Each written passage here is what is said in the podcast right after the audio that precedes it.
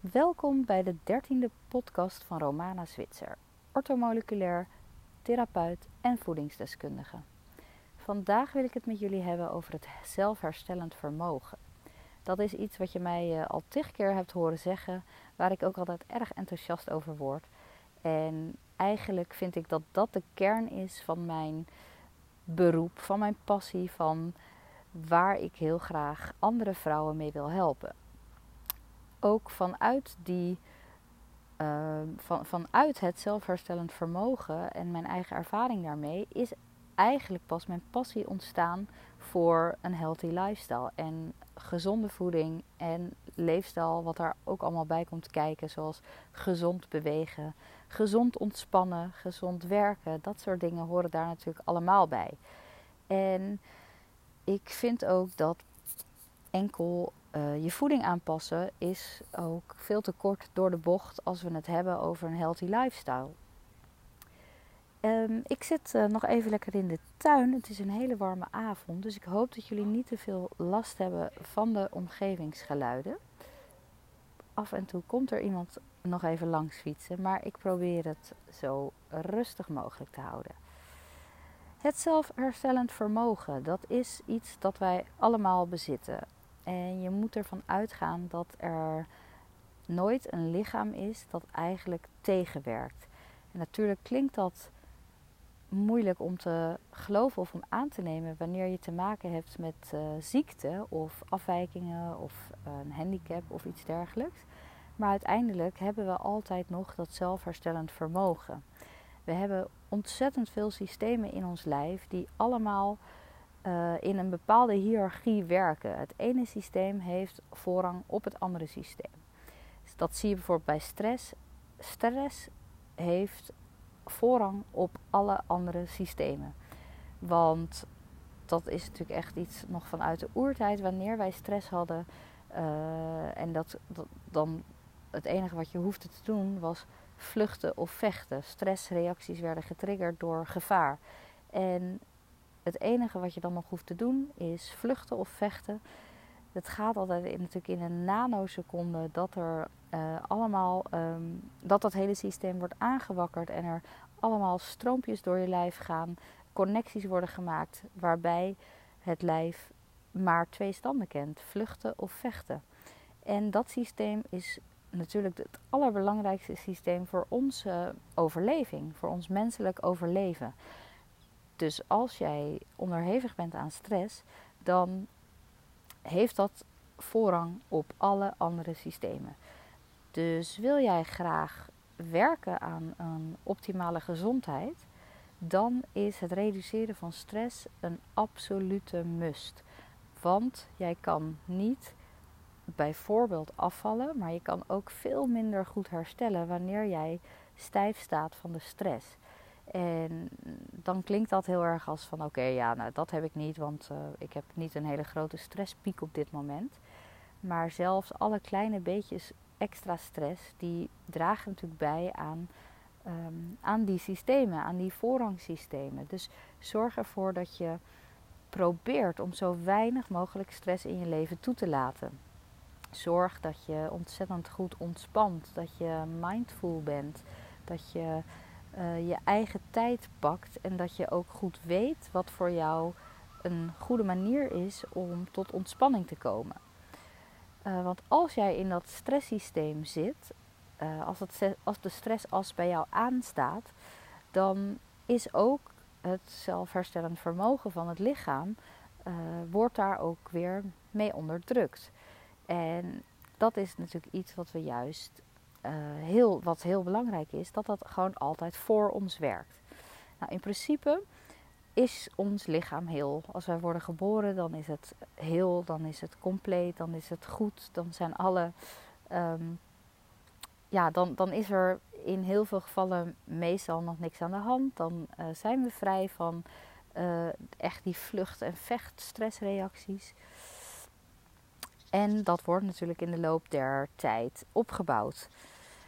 Um, wat heel veel mensen doen, en ik ben daar zelf natuurlijk ook uh, schuldig aan, is dat wij ons lichaam heel vaak tegenwerken.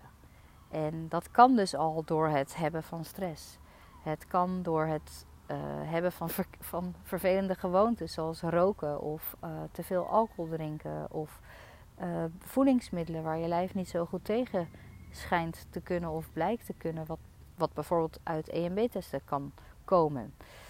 En het is heel mooi wanneer je je daar bewust van bent. Wanneer jij bewust bent van dat er eigenlijk twee standen zijn. Of we werken tegen of we werken mee. En wanneer je dat bewustzijn creëert, dan pas kun je ook veel gerichter gaan, veel gerichter keuzes gaan maken om je lijf mee te gaan werken. En dan ineens voel je ook een soort, ja, een soort andere energetische lading wanneer je dat bewustzijn hebt van oké, ik ben natuurlijk niet mijn eigen vijand.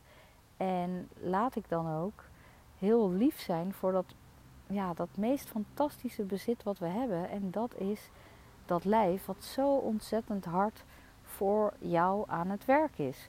Continu, 24/7. Dat houdt natuurlijk niet op. En als je met die intentie aan de slag gaat om te proberen om zo vaak mogelijk keuzes te maken die jouw lijf meewerken, dan geeft dat een soort, dat, zo heb ik dat in ieder geval zelf ervaren, het geeft dat een soort ja, erkenning en een soort berusting en een soort, ja, een soort fijn gevoel dat je kan bedenken, ik, ik, ik, ga nu meewerken. En ik was me daar gewoon heel wat jaren niet van bewust. Tot ruim aan mijn burn-out was dat iets waar ik gewoon echt nog nooit over nagedacht had. Dat ik mijn lijf eigenlijk aan het tegenwerken had. Was. En, en pas na mijn burn-out, toen ik eenmaal aan de slag ging, dus toen ik al diep in mijn burn-out zat en ik daar al therapieën voor had. En toen ik ging werken aan een gezonde leefstijl, aan gezonde voeding, aan uh, gezond bewegen, aan gezond ontspannen, aan gezond liefhebben, aan gezond, um, uh, gezonde uh, zelfliefde, aan gezonde body image, al die facetten die erbij komen kijken. Toen heb ik echt mega goed kunnen ervaren dat je je lijf echt mee kunt helpen. En dat je door er natuurlijk goed voor te zorgen, je lijf kan helpen om die balans die het zo graag wil creëren, die homeostase die jouw lijf de hele tijd probeert op te zoeken, om daar ook alle voorwaarden voor te scheppen. En zoals ik het nu ook zeg, klinkt dat natuurlijk ook als een open deur. Dat het natuurlijk heel logisch is om alle voorwaarden zo te maken dat ons lijf zo goed mogelijk kan herstellen continu. En we herstellen natuurlijk voornamelijk in de nacht. Uh, ik vind het ook altijd zo duidelijk wanneer kinderen, als je, als je moeder bent, dan weet je dat ook wel, maar misschien ken je het vanuit je omgeving ook. Dat als jij een baby hebt, dan weet je ook dat een baby de eerste paar maanden, de eerste paar weken zo afhankelijk is van genoeg slaap. Want enkel in die slaap herstelt en groeit een kind. Daarom is het ook zo mooi als je naar kinderen kijkt, naar kleine kinderen, om hen eens te observeren wat een kind doet wanneer het ziek is. Want dan worden we gewoon um, met dat soort uh, op dat soort momenten eh, worden we gewoon weer een soort beesten. We zijn natuurlijk zoogdieren. En dan ga je heel erg terug naar je instinct. Dus wat je gaat doen als, of wat een kind doet als hij ziek is, dan wil een kind niet eten. Een kind wil waarschijnlijk slapen of tv kijken, hele rustige activiteiten doen, of liever dus geen activiteiten. Maar um, die pakt zijn rust, omdat hij voelt dat dat instinctief is wat het moet doen. En wij moeders, wij denken dan op een gegeven moment: nee, maar je moet eten, want je hebt al twee dagen niet gegeten. En wij worden daar altijd een beetje panisch van. Terwijl eigenlijk gaan wij dan dus ons kind afleren, daar begint het dus al, om de signalen van zijn lichaam te negeren. En dat is wat ik zoveel om me heen hoor. Dat we zijn natuurlijk allemaal, bijna allemaal zo opgevoed. En het is zo mooi juist dat we veel meer ons best zouden mogen doen om weer met dat stukje in contact te komen. Met dat stukje intuïtief leven in contact te komen. En nou ja, daarin zijn kinderen natuurlijk sowieso echt een prachtig voorbeeld. Maar ook wij volwassenen, wij herstellen ook enkel in ons slaap. Dus in onze slaap is het lichaam bezig en is het lichaam in staat om uh, cellen te repareren. En dat gaat zelfs tot op DNA-niveau zover. Dus daarom kun je ook realiseren en beseffen waarom die slaap voor iedereen ook super belangrijk is. Dus je hoort altijd overal wel, uh, ja, super, belangrijk, super belangrijk dat je goed slaapt. En als je niet voldoende slaapt, ga daaraan werken. Maar het, is pas, het heeft pas waarde wanneer jij weet waarom iets zo is. Dus slaap is belangrijk omdat je dan herstelt. En dat is dus ook weer een stukje meewerken aan het zelfherstellend vermogen van je lichaam. Dus slaap is super belangrijk, maar ook het kiezen van de juiste voeding. En dan is er echt zo'n heel groot verschil weer tussen voeding en vulling. Want met vulling stoppen we ons lijf vol en heeft dat heel weinig, um, heel weinig voedingswaarde. maar als je teruggaat naar echte voeding, wat ik heel erg, ja, waar ik echt een voorstander van ben en wat je ook in mijn uh, methode terugziet, is dat we teruggaan naar puur onbewerkte voeding, zo weinig mogelijk uh, bewerkingen. Uh, het liefst doe je zoveel mogelijk van je boodschappen op de versafdeling, waar producten geen ingrediënten hebben. Dus geen ingrediëntlijsten, maar ingrediënten zijn. Dus een aubergine, een komkommer, zonder verpakkingen het liefst, zonder ingrediëntenlijst met onuitspreekbare namen. Terug naar de basis. Zelf je sausjes maken voor de pasta, voor de courgette dan. Hè? Maar dat soort dingen is gewoon heel belangrijk om, uh, om ook weer mee te werken aan de gezondheid van jouw lijf, aan jouw gezondheid, aan het zelfherstellend vermogen. En ik zeg ook altijd: alle beetjes helpen. Want ik ben ook geen heilige. Ik uh, drink ook heel graag een wijntje. Ik uh, heb natuurlijk ook wel eens trek in iets anders dan een low carb maal. En ik eet ook chocolade als ik ongesteld moet worden. Uh, dus ik doe ook natuurlijk keuzes maken die niet altijd even goed voor mijn lijf zijn. Maar ik maak sinds 5, 6, 7 jaar nu na mijn burn-out. De tijd gaat super snel. Maak ik veel bewuster keuzes op veel uh, meer momenten. Dus ik probeer voor mezelf zo vaak mogelijk te kiezen voor het beste wat ik kan uh, verkrijgen. Voor de beste uh, maaltijd die ik mezelf kan wensen. En uh, ik volg dan een systeem. Ik volg een low carb keto, low carb high fat um, voedingspatroon. En dat is dus keto. en daar voel ik me heel erg lekker bij. Ik voel echt dat ik daar de laatste paar jaren um, mijn lijf zoveel mee heb geholpen. En mijn lijf zoveel, heb, uh, zoveel meer heb versterkt. En natuurlijk heeft dat ook te maken met goed slapen, goed bewegen, gezond bewegen vooral. Ook dat niet overdoen. Hoe zeg je dat? Um, uh, don't overdo it, wou ik zeggen. Maar uh, dat niet te veel doen, want ook daarin kunnen mensen doorslaan. Um, maar dat moet je natuurlijk ook in een gezonde balans houden. En als je, als je dus gaat meewerken en probeert om in ieder geval zo vaak mogelijk die keuzes te maken, dan is er natuurlijk ook ruimte voor momenten dat je die keuzes minder, uh, minder, minder maakt. Omdat er een feestje is, omdat er, nou, weet je, we hebben honderdduizenden redenen. Alleen probeer probeer daar ook bewuste keuzes in te maken. Dus um, niet elke avond is een excuus om te zeggen: ik ga een zak chips opentrekken, want er is altijd wel een reden om te bedenken. Maar maak dan ook bewuste keuzes van: ik doe het vijf avonden niet en twee avonden neem ik wel wat, bijvoorbeeld.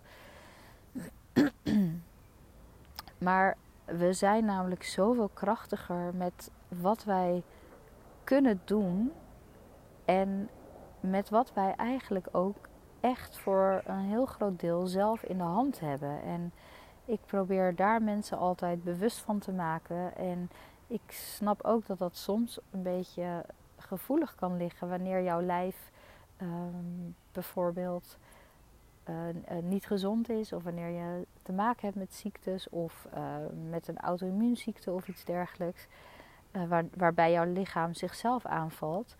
Maar dan nog geloof ik er heel erg in dat als jij dan juist de beste voeding kiest voor je lijf en een goed voedingspatroon hebt en uh, mooie keuzes maakt voor je leefstijl, dat je dan ook in heel veel gevallen verbetering kunt aanbrengen.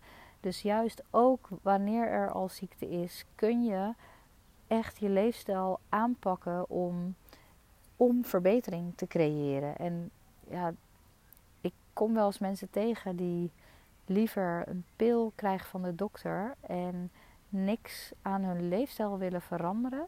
Maar die pil die houdt dan de symptomen, ja, die onderdrukt eigenlijk de symptomen of die schakelt dat deels uit.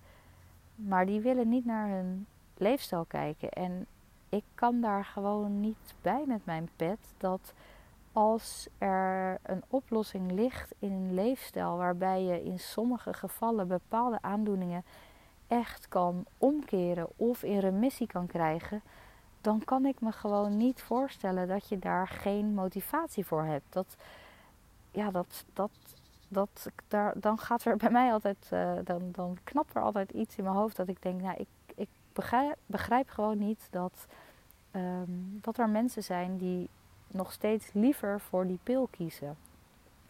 En laat ik daar absoluut bij zeggen dat, dat medicijnen soms echt super hard nodig zijn. En die moet je dan ook altijd nemen wanneer dat nodig is. Maar wanneer ik de keuze zou krijgen bij een aandoening of ziekte, of ik aan mijn leefstijl zou kunnen werken en daar heel veel veranderingen en, en voordelen um, bij zou kunnen krijgen. Of ik kies een pil waarbij ik dezelfde leefstijl aan kan houden, maar ik wel levenslang aan de medicijnen moet, waarvan we gewoon ook nog steeds niet weten wat medicijnen op de allerlangste termijn um, doen. Dus op, op de termijn dat je dat echt levenslang nodig zou hebben. We weten gewoon nog steeds niet van heel veel medicijnen wat ze op de lange termijn doen. We weten wel dat heel veel medicijnen uh, heel belastend zijn voor het lichaam. Maar goed, dat vind ik altijd een, een, een, bijzondere, ja, een bijzondere discussie. Ik zie wel dat heel veel mensen van mijn generatie en iets daaronder en vaak ietsjes daarboven uh, wij zijn met z'n allen heel erg bewust aan het worden. We zijn heel erg bezig met bewustwording en zelf verantwoordelijkheid nemen. En vooral reflecteren op onszelf en kijken waar we zelf verbeteringen kunnen aanbrengen. En dat, dat vind ik super fijn en super mooi dat die beweging er is. Want ik moet eerlijk zeggen dat de generatie van mijn ouders dat veel minder heeft. En daar is het ook veel in die generaties is het uh, voor een groot deel veel normaler nog dat als de huisarts tegen hen zegt: U krijgt deze pil, want de huisarts die spreekt ook niet over: gaat u maar aan leefstijl werken. Een groot deel van de huisartsen. Gelukkig komt dat ook steeds uh, meer, wordt daar steeds veel meer aandacht, gaat daar gelukkig naartoe. Maar die generatie die um, ja, die, die, die is natuurlijk veel minder opgevoed met eh, Google het maar even en uh, kijken wat we er allemaal nog meer aan kunnen doen. Daar is, die, um, daar is het woord van zo'n huisarts ook veel, veel hoe zeg je dat ook weer? Veel belangrijker nog. Dat heeft dan heel veel, heel veel um, ja, van, van wat deze meneer of mevrouw zegt, dat, dat gaan we dan doen. In plaats van oké, laat ik eens zelf heel goed gaan nadenken over of ik dit wil en um, of dit dan de allerbeste keuze is. Dus die bewustwording die is super fijn en ik hoop echt dat ik mijn steentje daaraan bij kan dragen om die bewustwording op een veel groter vlak nog te dragen en uh, te verspreiden. Dat vooral. Ik voel het echt als mijn missie om uh, vrouwen te helpen een zo'n optim, zo'n, een zo'n hoe zou ik het nou mooi zeggen, een zo'n groot mogelijke optimale gezondheid te creëren dat mogelijk is, dat binnen ieders mogelijkheid ligt. Want dat is voor iedereen anders en zeker ook als je al te maken hebt met klachten, symptomen, aandoeningen, ziektes, uh, handicaps, dan bedoel ik ook echt dat er binnen die mogelijkheden uh, vaak winst ook nog te behalen valt. En eh, kijk, je hoort mij niet zeggen dat je, uh, dat, dat, dat je alle ziektes kan omkeren. Want zo is het gewoon niet. Dat, dat is heel jammer dat, dat we dat nog niet kunnen. Maar er zijn zoveel aandoeningen en ziektes waarbij je echt het verschil kan gaan merken in energie, in uh, dat je je slaappatroon bijvoorbeeld verbetert. En, en er ligt zoveel aan ten grondslag. Um, wanneer, oh, ja, ik zeg het, ik moet het andersom zeggen. Een gezonde darmflora ligt bij heel veel aandoeningen en ziektes eraan ten grondslag. En als jij dus je darmmicrobioom weet te herstellen um, en gewoon dus je hele spijsverteringsstelsel uh, voeden in plaats van vullen, dan kun je op heel veel gebieden al zoveel verschil maken ja, ik ben dus echt een heel groot voorstander van het zelfherstellend vermogen van het lichaam. En ik heb ook echt zelf ervaren hoe ik mijn lijf van, van een burn-out na jarenlang roofbouw te hebben gepleegd. Door eerst heel veel af te vallen, heel veel aan te zijn gekomen natuurlijk in mijn puberjaren. En daarna heel veel te zijn afgevallen. Daarna mijn weg niet weten te vinden in een gezond voedingspatroon. En altijd maar liep te klooien en rommelen met voeding. Heb ik ontzettend veel roofbouw op mijn lijf gepleegd. En mijn bijnieren waren zo ontzettend uitgeput. Omdat ik natuurlijk door, doordat ik rommelde met mijn eten en, en stress ervaarde rondom eten. Um, waren mijn bijnieren compleet uitgeput. En met alles wat ik nu weet vanuit de orthomoleculaire voedingsleer, weet ik ook uh, over uh, heel veel voedingsstoffen, tekorten, et cetera. Wat ik daar heb geleerd is dat alle symptomen die ik toen had, die wezen echt in de richting van onder andere kaliumtekort, B12 tekort, vitamine D gebrek. Um, nou, en dus echt die bijnieruitputting. En ik denk dat als er mensen zijn die meeluisteren, die zelf te maken hebben gehad met een burn-out, dan zul je dat wel herkennen. Dat um, ik, ik ben toen zo ver doorgelopen totdat je lijf echt letterlijk zei: Het lukt niet meer. Het is gewoon helemaal klaar. En je bent zo op en leeg. En dat is dus echt die, die bijnieren die je dan zo ontzettend uitgeput hebt. En ehm, dat vind ik ook heel interessant wanneer ik cliënten met een burn-out krijg. Want ook daarin kan je zo ontzettend veel doen met voeding, maar ook met het aanvullen van die. Uh, ja, hoe zeg je dat? Van, van de voedingsstoffen die jouw bijnieren nodig heeft om weer optimaal te gaan kunnen functioneren. Maar Um, je moet je lijf ook heel vaak eerst echt maanden de tijd geven om te herstellen.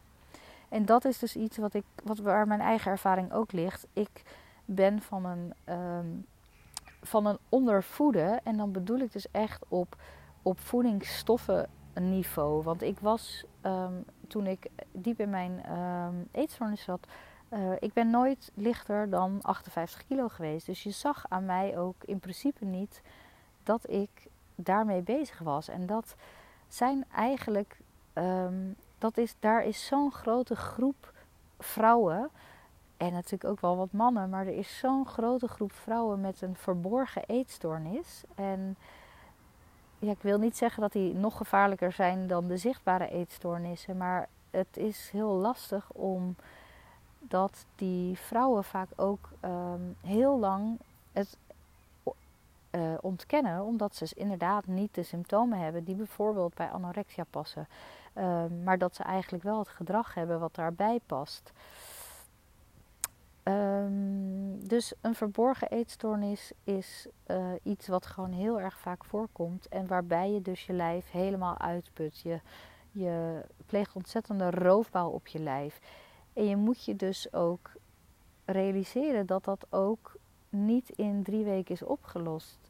En naast uh, het hele uh, psychische stukje, want daar heb ik het nu even niet over. Maar um, daar, dat is al belangrijk dat je daar echt de juiste hulp voor, voor, um, voor, voor, gaat zoeken. En dat, dat is ook het enige wat helpt. Dat je echt zelf die hulp gaat zoeken en daar verandering in aan gaat brengen. Maar um, om even terug te gaan naar mijn ervaring met het zelfherstellend vermogen van ons lichaam. Heb ik dus na mijn burn-out ervaren dat ik door weer goed Um, door weer goed te gaan eten, door te letten op voedingsstoffen, door zelf uh, supplementen te gaan slikken, omdat ik wist wel waar mijn tekorten lagen, heb ik echt ervaren dat je je lijf ja, zo mooi kan laten herstellen als jij meewerkt. En als je dan dus hem de goede voeding geeft, de goede voedingsbodem. Dus eigenlijk bedoel ik daarmee een goede uh, darmmicrobioom, waaruit je gewoon uh, ja, je hele gezondheid als het ware weer opnieuw kunt opbouwen in heel veel gevallen. En omdat ik daar zelf gewoon zo'n mooie ervaring mee heb, is dat iets waar ik ook ontzettend enthousiast over ben om eh, met jullie te delen. En waar, eh, ja, wat ik ook gewoon heel graag wil dat andere vrouwen daar ook gebruik van kunnen maken. Als, zeker als je, ehm, als je misschien daar nog helemaal niet veel uh, over weet of uh, dat je je daar nog helemaal niets over realiseert. Dat je um, voor heel veel klachten een deel natuurlijk, een groot deel zelf in de hand hebt. En het soms met hele kleine voedingsinterventies al ontzettend kan verbeteren. Nou, het was een, een, heel, uh, een heel verhaal. Ik ben, um, ja, zoals jullie horen, uh, is het echt mijn passie. Ik vind het super fijn om, uh, om zoveel mogelijk vrouwen hier bewust van te maken. Zoveel mogelijk vrouwen hiermee te helpen. Mocht jij vragen hebben naar aanleiding van deze aflevering. Uh, wil je meer weten over het zelfherstellend vermogen van het lichaam? Heb je daar hulp bij nodig of heb je gewoon een andere vraag? Uh, schroom dan vooral niet om mij te benaderen via uh, Instagram of e-mail. Dat kan via info.romanazwitser.nl en Zwitser is met S-W-I-T-Z-E-R. Ik krijg uh, best veel vragen al binnen over de e-mail en dat vind ik super leuk. Ik lees ze allemaal. Ik probeer ook op alle e-mails te reageren. Um, dus schroom vooral niet om dat te doen.